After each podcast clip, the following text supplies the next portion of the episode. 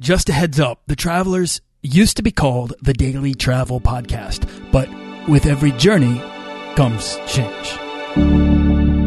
This podcast is produced by Holocene, a community of creative travelers. If you want to get serious about planning that next trip, writing that book, starting that creative project, or launching that business, we're breaking down the barriers between where you are where you want to be together at joinholocene.com. That's join, H O L O C E N E.com. In this episode, leaving a career at Disney for a life of adventure with Mandy France. You want to travel further and more often to visit new places and meet new people and expand the role that travel plays in your life? I'm your guide, Nathaniel Boyle, an explorer that wants to help you get out, see the world, and find meaningful, life changing experiences. Everyone wants to be adventurous and have great stories, to do the stuff of legend. This is the Daily Travel Podcast. Now, before we dive in, if you want to get started earning frequent flyer miles or points to travel for as close to free as possible, then you can head on over to dailytravelpodcast.com and sign up for the weekly newsletter and get my book, The Beginner's Guide to Points and Miles, completely free. Okay, Mandy France is the founder and contributing editor of The Responsible Traveler. She's a freelance travel writer and editor, a published children's author, which is cool, and an illustrator, which is a really great talent to have. Uh, Mandy is an ethical adventurer at heart, and from trekking the Inca Trail in Peru to climbing the highest mountain in Africa, she's made adventure a priority in her life. She's also a vegan which gives her further insight into what ethical and responsible travel is and how to be compassionate in the things that you do on the road abroad. So I'm excited to kind of dive into this, dive into Mandy's head and understand exactly her position, her beliefs, her perspective on the world, and why all of ethical travel really does matter. And it's something that we should all be considering as we plan out our trips. So, uh, Mandy, France, what is up? Thank you for coming on the Daily Travel Podcast. Oh, well, thanks for having me. I'm a big fan, so I'm excited to be here. Oh, I'm so excited to hear that. So I gave a brief overview of who you are, but if you could tell us about yourself, who you are, and how you got started traveling. Okay, well, um, I spent my whole life growing up in Ohio, um, and my whole life I, I traveled down to Florida to visit all my family. So my dream was always to work for Disney, and I went to school for graphic design, and I never was really interested in traveling the world. Um, I went to Europe for a, you know a quick internship in London, but that was pretty much it. Um, I moved to Florida, got my dream job, worked at Disney. I was pretty happy with my life, and I pretty much assumed I would be working the same job for 30 years. Um, and then in 2011, uh, my mom passed away from a very rare form of cancer, and um, she was always someone who worked her whole life so she could travel when she retired, and she um, died three months before she retired. So that kind of really hit me hard, not only because I was close with her, but just because, you know, we only have a short time on this planet and I don't want to spend it in an office, you know, waiting for the day I can retire to travel and see the world. So I kind of stepped back from my job, my office job. I started freelancing and I took my big, my first big trip to Peru in 2011 to trek the Inca Trail. And it was the biggest life changing experience I could even imagine. Um, I had never backpacked before, I, and I had to go buy new. Sh- I had to buy shoes, and you know, I never slept in a tent. You know that you know without that isn't considered glamping. It was you know it was like sleeping on a Therm-a-Rest mattress, and it was it was quite. I you know I didn't shower for four days, and that was pretty much the record at the time. and you know it was the bathroom situation was definitely interesting because they have pit toilets in Peru, and that's you know it was interesting. Yeah. Um, but we, it was a four day trek, and we trekked from Cusco to Machu Picchu, and just you know the, the quiet that I, I heard um, on the second pass um, in the Andes, it was just there was no sound, you know, and I, I literally stopped and I was like. Oh my gosh, I'm, I'm, I'm in the Andes mountains right now in South America. This is, this is insane. And that, and that was, you know, as I say to people, that was history. Like that was, I was addicted since then. And I, I, don't buy a lot of things. I buy experiences. I buy pins on the map. Um, so that's kind of how I've lived my life since then.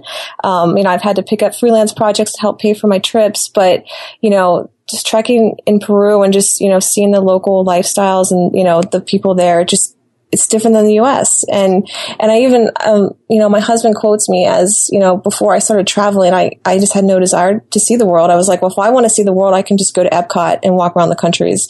And I still regret regret saying that because just seeing the world is just, there's you can't you can't compete with it.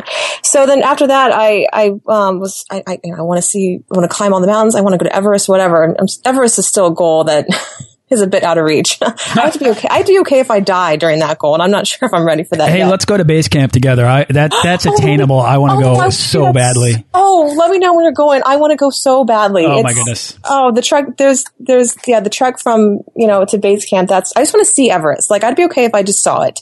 Yeah. Just to see, be like that's the tallest mountain in the world, and you can climb Kala Patthar, and you know it's just like a little, it's basically a little hill by by um by, by Basecamp and you can like really get some amazing pictures. So I'm kind of addicted to this show that was on a couple years ago called, um, Everest Beyond the Limit. Did oh my God. My, my wife is, is a fanatic about that show. Oh, so awesome. Yeah. I'm like, I'm like, see, look, these people can do it. I can do it too. I put it on Netflix one day and it was like, three hours later. No, that's an understatement. I mean, it was like six hours later we were like into season two and I was, uh, but honestly, the, the whole world of Everest is not only is it this fantastic metaphor for travelers who want to go out and actually conquer it, but it is the, the, the, the cultural, the exposure there to the people of Nepal and to the Sherpas, these, these sort of unsung superheroes of, uh, of modern day who actually can go up and climb the mountain to lay the rope down without the rope and go up and down the mountain over and over and over again all all season long absolutely blows my mind and I want to meet these people.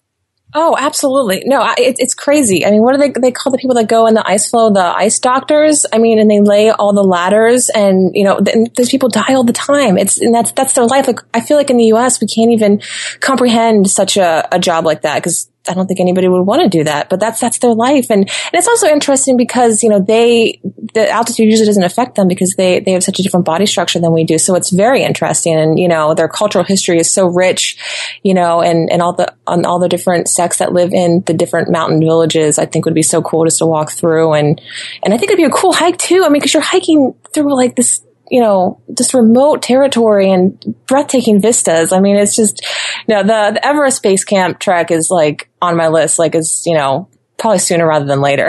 yeah. Yeah. I, would I'd actually love to get your take sometime if you ever do any, an article about this or you think about it, but the, uh, an ethical approach towards, uh, traveling to Everest Base Camp. I think that would be kind of an interesting take because it is uh, becoming a more touristed destination and it's becoming set up for for for tourism in a way that's kind of I don't know it's moving very quickly and I'd be curious to know about the implications uh, the responsible travel implications uh, related yeah. to that. Yeah. Absolutely, because everything you know, everything I write about from my point of view, it's from an ethical standpoint. Um, that's just how I see it now. I, I, can't, you know, I'm going, I'm heading down to Puerto Rico um, on Thursday, and you know, I'm, I'm everything I'm doing, I'm, I'm, trying to see it through an ethical lens because that's the way we have to travel nowadays. Because you know, I, I climbed Kilimanjaro uh, last year, and an incredible experience that was itself. I, I, climbed via the Lemosho route, which is an eight day, eight day up and one day down route.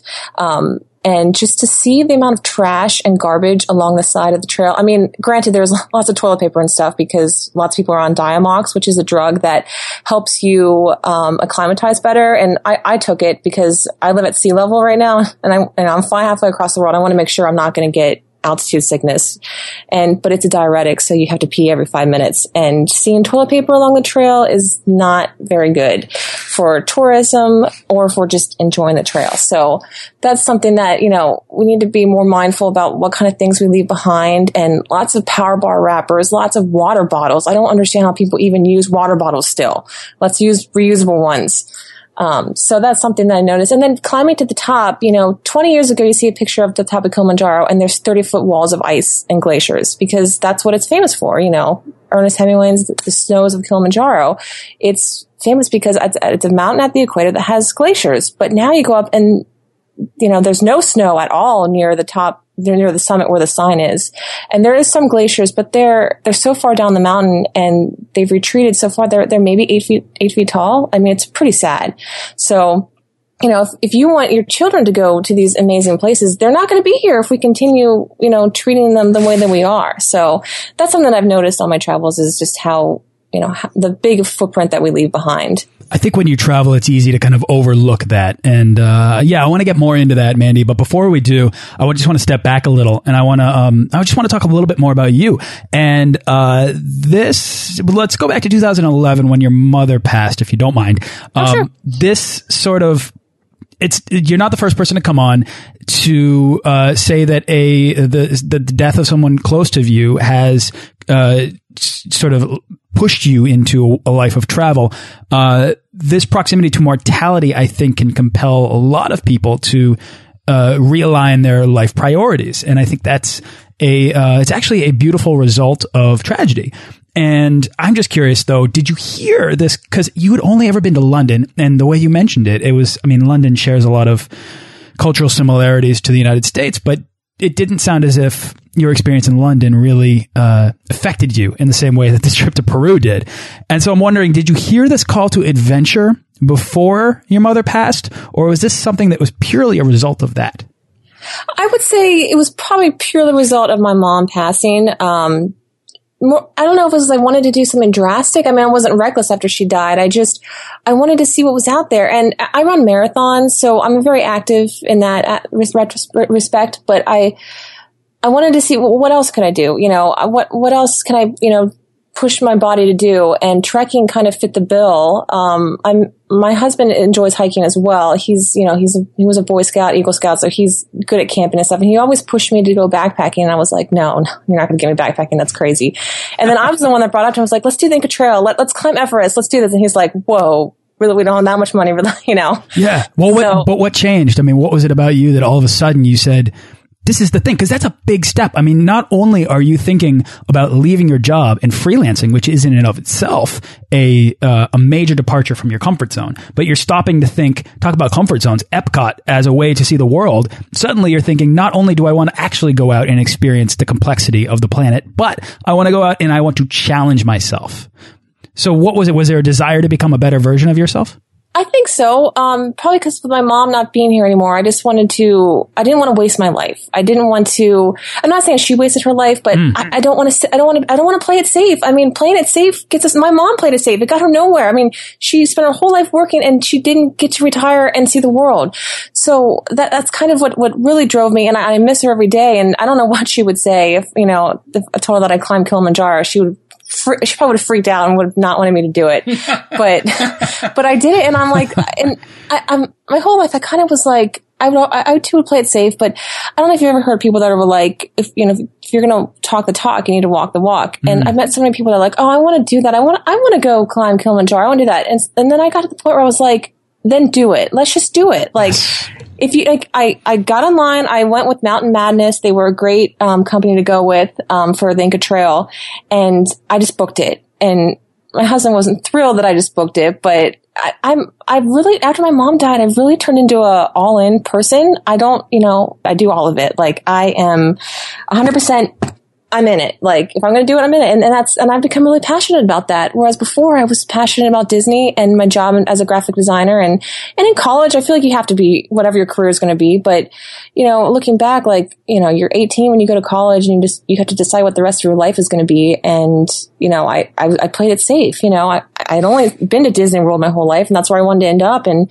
and I didn't even have a passport until I was 21. So, which is embarrassing enough, even though I think right now only half the population of the U.S. Has an active Less. passport. Less not. Oh God, that's so sad. yeah, it's so sad. It's um, and that's just and since my mom died, that's just how I've been. We're um, my husband and I are actually in the process of adopting a little boy from Thailand, and we've oh, been wow. in the process wow. for the past four years. Yeah, so I feel like a lot of people come up to me are like, you know, I'd love to adopt. And it's like, well, then just do it. There's kids in his home. Do it. And there's this attitude of, I guess, the sense of urgency that I have now since my mom died is that I'm not going to wait to do it. Like, if I want to do it, let's, let's do it. I'm, I was just talking to my husband last night about our, our, trip for next year and I'm like, let's do the England coast to coast trek. And he's like, well, let's wait. I was like, no, let's book it now. So it's on the calendar. So we do it, you know? And that's what I tell people because a lot of people ask me advice all the time because they're like, wow, you climbed Kilimanjaro. You did this. How did you do it? I'm like, well, I just, I did it. Like I put it on my calendar. I, I booked it. I put it on my calendar and I trained. And, you know, I feel um, I just finished reading a book called Lessons from Everest. It was about an Everest climber, um, and it's just the, the, lessons he learned while climbing it, obviously. And um, one of my take takeaways I got from that was that he's like, you have to have a goal. If you don't have a goal, you're just you're just wasting through life. So each of my adventure trips have been my goal for the year. We we do a big trip every year. So you know, this past one was Kilimanjaro. The next one I just told my husband's England trek. so that's that's kind of how I've I've lived it. If I don't have a goal, then I just you're just wasting away at a desk job and you know, adventure kind of fit the bill for me, and now I'm I'm obsessed with adventure. it gets under your skin, and it, it, it compels you to to just continue on finding more adventure. Uh, let me ask you a question though, just because now you've piqued my curiosity, and I want to explore this topic. How do you create a sense of urgency in your life? Personally, well, how do you do it? Um, if you, I personally, I have to have stuff on the calendar that that you know it, it, I have a countdown for things. Um, you know, I like to live in the now. Um, like I said, since my mom passed, I just, I've been more aware of my mortality because especially when you're younger, you don't think about it. You're like, well, I can do this later. I can do this later. You know, I, I won't, you know, there, sometimes there is no later. I mean, friends of, friends of my age have passed away in car accidents or, or whatever. And, you know, you never know if you're going to go and get hit by a bus tomorrow. So, you mm-hmm. know, and I, I'm, you know, I'm not religious. So I'm not, I'm not going to live my life like, like there's something afterwards. If there is, great. If there isn't, I want to make sure when I die, like, I've did everything I, I, I, can.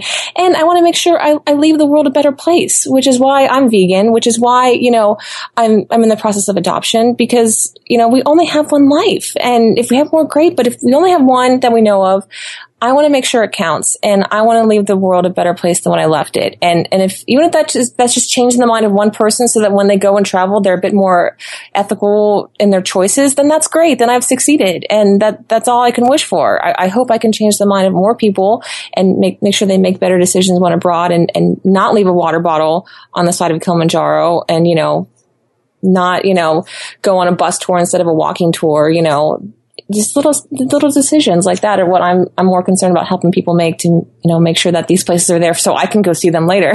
yeah. Okay. So let me break that down. What you just said. The first is have a clock. Use your schedule to your advantage. Actually, put things on that calendar that you're counting down to, so that you create this finite window of time in which you have to plan. Because otherwise, you're going to expand the amount of time that you have to complete a task, which is going to just continue to spread out over your entire life until retirement, and then you're not going to be able to go and climb Kilimanjaro or whatever it is that you want to do.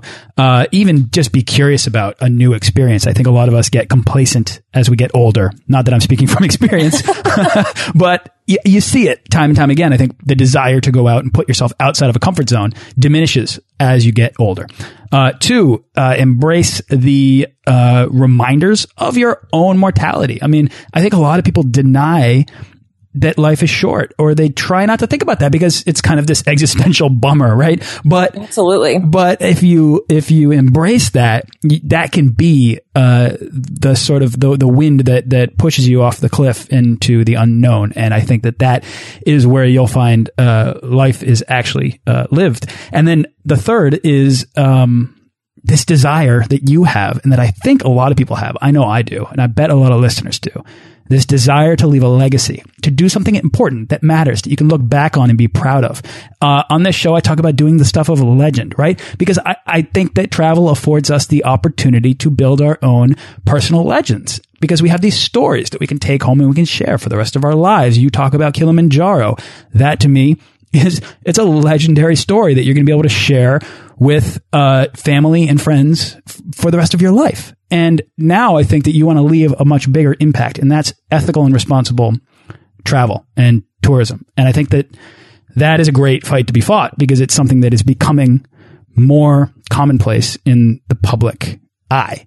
Uh, why did you decide to not just you know, get into travel and do that, but actually start to try to make an impact uh, about responsible travel. What what did you see that kind of just gave you this uh, impulse?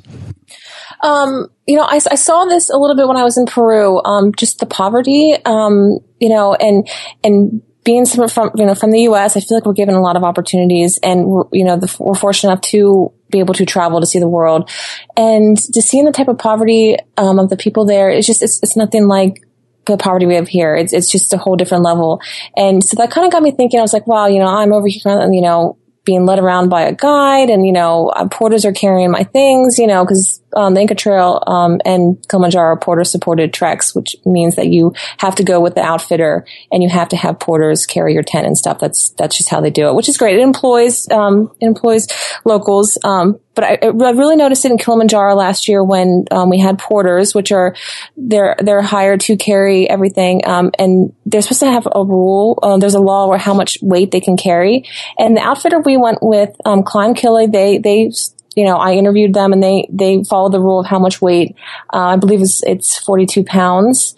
And, but I, along the trail, I saw other outfitters, porters carrying so much more weight. And, you know, these guys are so skinny. They're like half the size of me. And, you know, they're in sandals and they're carrying these huge tables and bathroom tents and, you know, things that are at least 120 pounds. And they're struggling up the side of the mountain. The mountain that we're over here carrying just our 30 pound backpacks and our, you know, and our trekking poles. And they're over here climbing up past us, struggling. And I was like, this is not right. Like, this is, you know, I, you know, people need to know. And the biggest thing is, I don't think people know when they travel that they're, they may not be doing ethical things.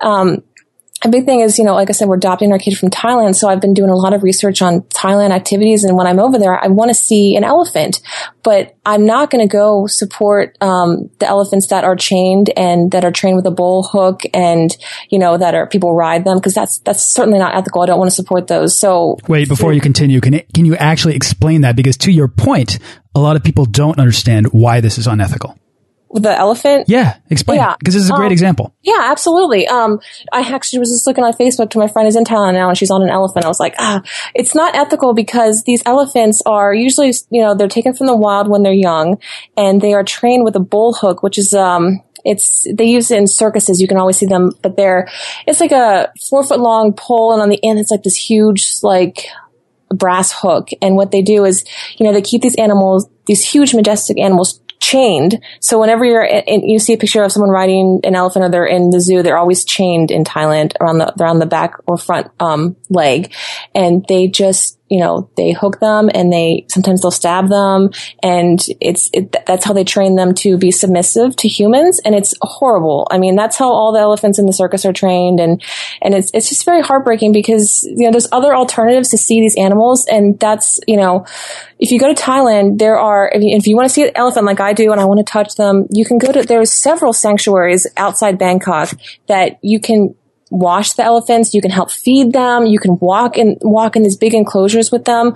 You just can't ride them because riding them, it's, you know, it, they have to be trained you know, with the bull hook to be able to ride them. And, and I know that's everyone's, you know, oh, I want to get a picture on the elephant. And it's like, well, we have to get past that, you know, that's, I'm not going to go all animal rights on you right now, but that's, it's just, that's not natural. If you want to see elephants, let, see them in the wild. It's, you know, it's kind of ties in with this whole, I live down the street from SeaWorld. So it's, that's been a pretty hot hot issue. Here. Yeah, I'll say. Well, I mean, I think the takeaway here is that they're not simply trained. These and and, and I'm I'm right there with you. I'm not going to go animal rights here, but in just in in order to sort of for the illustrate this point of responsible travel and the decisions that we make, whether we're aware of them or not, these elephants are not simply trained; they're not they're not domesticated. You know, they're demoralized, absolutely, um, and they're and they're abused to get to this point where they become safe and docile creatures that are not going to attack humans. And that's why they're, that's why they do it to reduce the liability, of course, so that people can have that photo.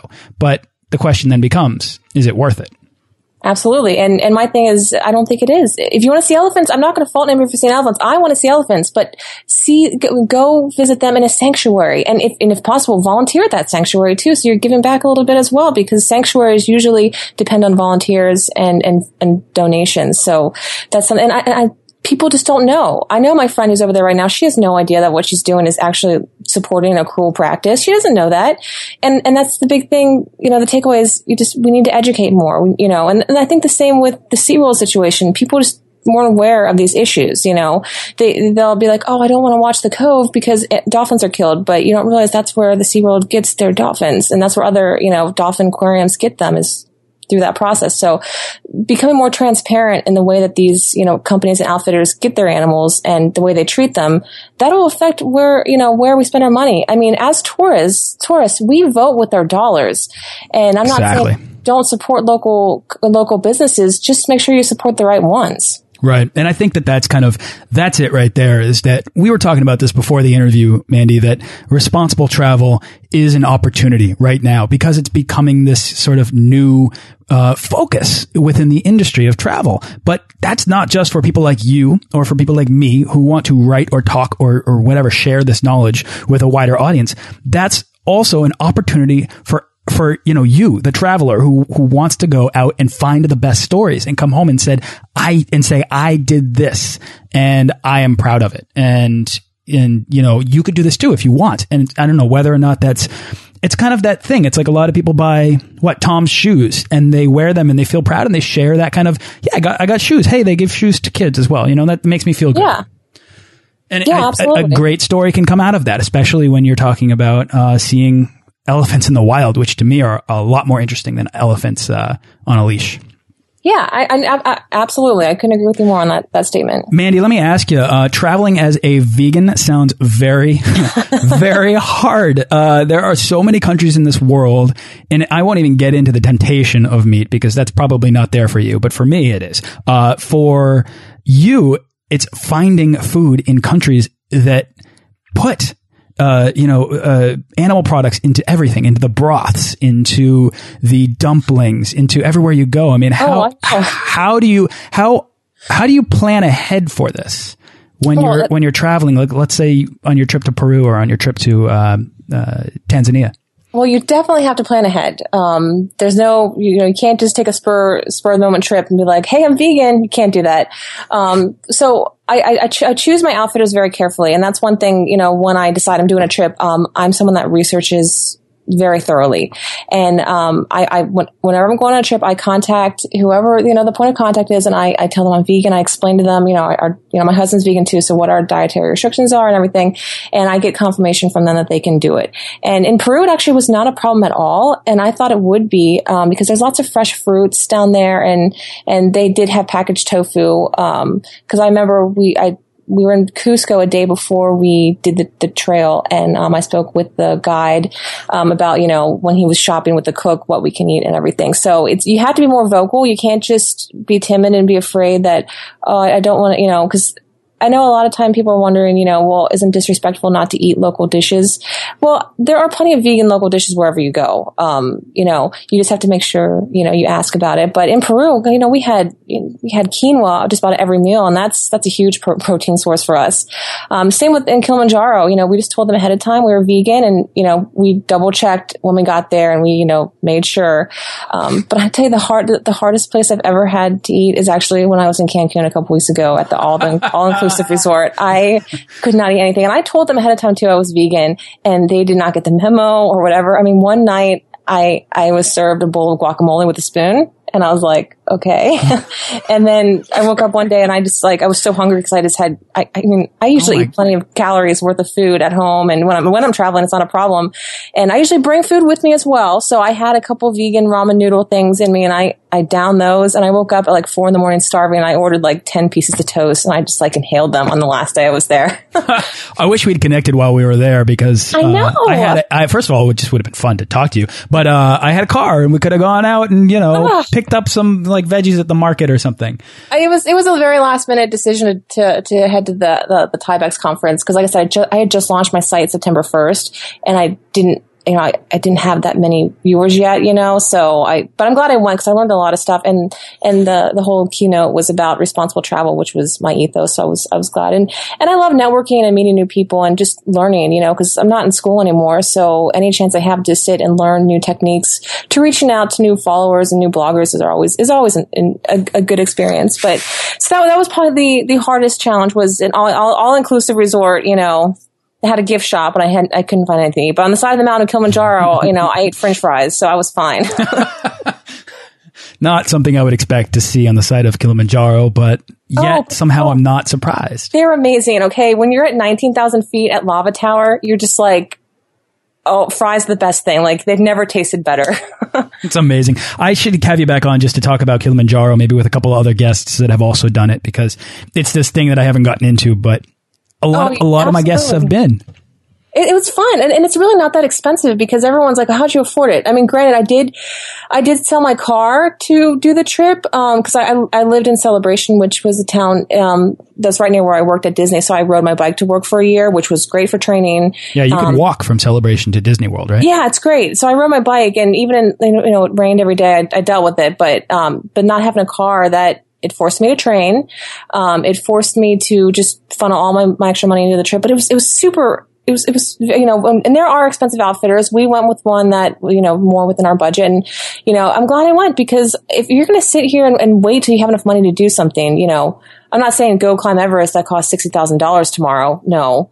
But, you know, or put everything on a credit card. I don't say that either, but don't, you know, don't not, you know, don't not travel because you're afraid it's too expensive. There's che- cheaper ways to do it. Um, there's a great website I use all the time when finding flights called Airfare Watchdog. Yep, and yeah, it's not a great site? Mm. I was mm. on it this morning. and I was like, oh look, a, a cheap flight to, to, Paris. I was like, hmm. That's it. Well, Mandy, the the real takeaway here, uh, and I've been working on on creating this guide, this like ultimate guide for finding cheap airfare. And one of the sort of chief tenements of of it all is be flexible. If you're flexible with your time, then you can go to sites like Airfare Watchdog or theflightdeal.com and you can see what is available. And if you can go, if, if you have greater control of your time and you're not beholden to the desk, then you can take advantage of these ridiculously cheap trips. And, you know, it's like, what in two weeks there's a trip to Peru that's that's 50% off.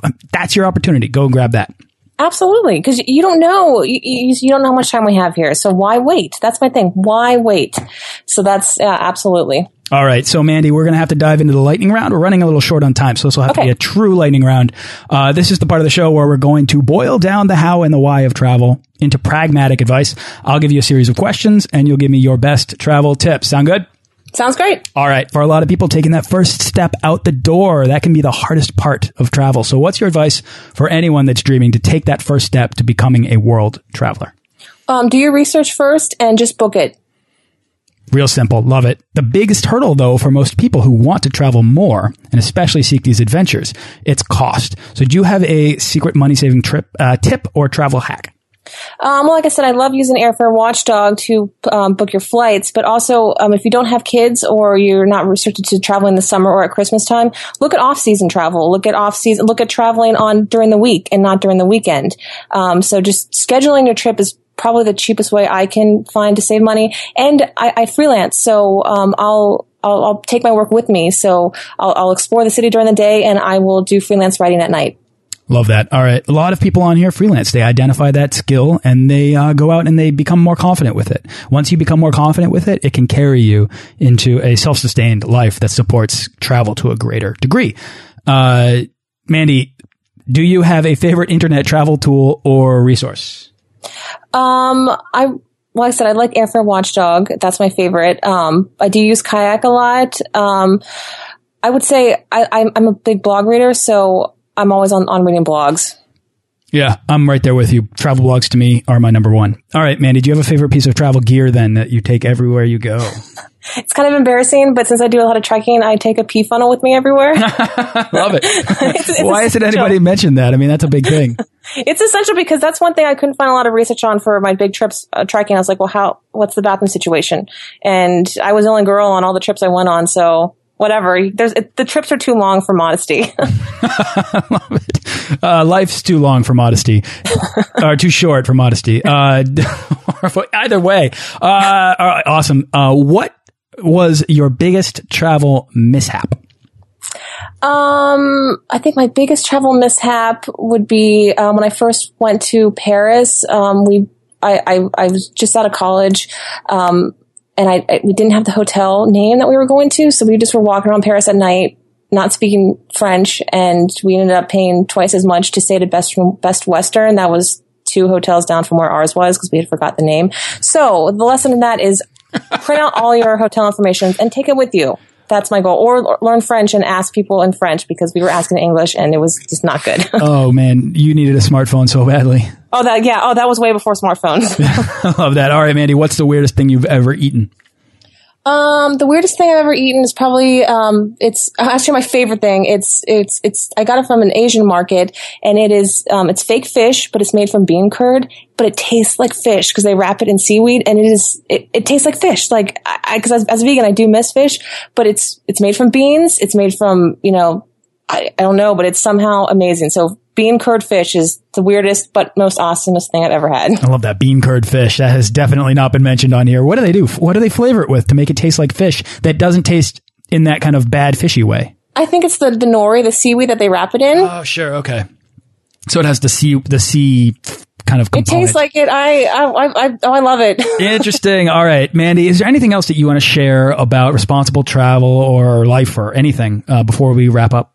Um, I just want to make sure people are, are, taking the time when they're booking their trips and when they're dreaming of their trips to just make better decisions while they're planning it. And that could be just, even just simple like, hey, I'm going to take a bicycle tour instead of a bus tour. Or, hey, I want to see elephants. I'm going to look for a sanctuary to visit instead of, you know, the typical touristy stop with the elephant riding, you know, and, and when you're packing for your trip, make sure, you know, you're, you're taking reusable water bottles. You know, you're not taking things that have a lot of wrappers and, you know, all that comes with research, but just if you just make little decisions, they'll add up to the big decisions because, you know, the, the glaciers on Kilimanjaro are melting and, you know, they're melting because of all the little things people do.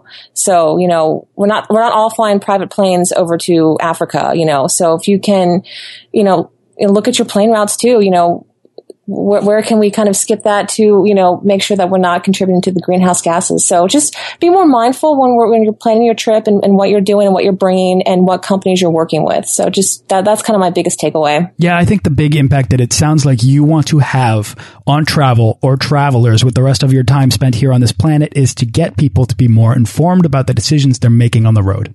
Absolutely. And that comes with research. So definitely take the time to research what you're doing, where you're going, and who you're working with. Well, starting with research, they can head on over to your website, but uh, where can people go to find out more about you then? Um, well, I start on my website. I, I do. Um, I, I, I am a contributing editor on my website at the theresponsibletraveler.com, and we post five days a week. Um, I, I always do. I have a column every Friday called um, TGIF, and it is a weekend. It's a thank goodness it's Friday in. It, it's a kind of a weekend guide for five activities you can do that are ethical in different cities. So, if, you know, I love doing weekend getaways. Um, so if I'm going to Boston, here's some five ethical activities you can do that, you know, are little impact and, you know, aren't going to hurt the environment. So I, am not going to recommend anybody go to a bullfight when they're in Spain, obviously. Um, so what are other activities you can do instead when you're in Spain? So that's, that's my favorite thing to do. And, um, I work with bloggers from around the world that, um, provide their ethical um, input on my site as well. So it's not just my vegan, you know, travel input. So it's, it's a whole bunch of different um, points of view on my site. Um, I, I, like I said, if you want to know more about me, I'm a freelancer and I, I illustrate and, and write children's books as well. Um, you can check out those at um, www.mandy.com france.com. And that's my illustration portfolio. So if anybody is looking for a children's book illustrator, I am there.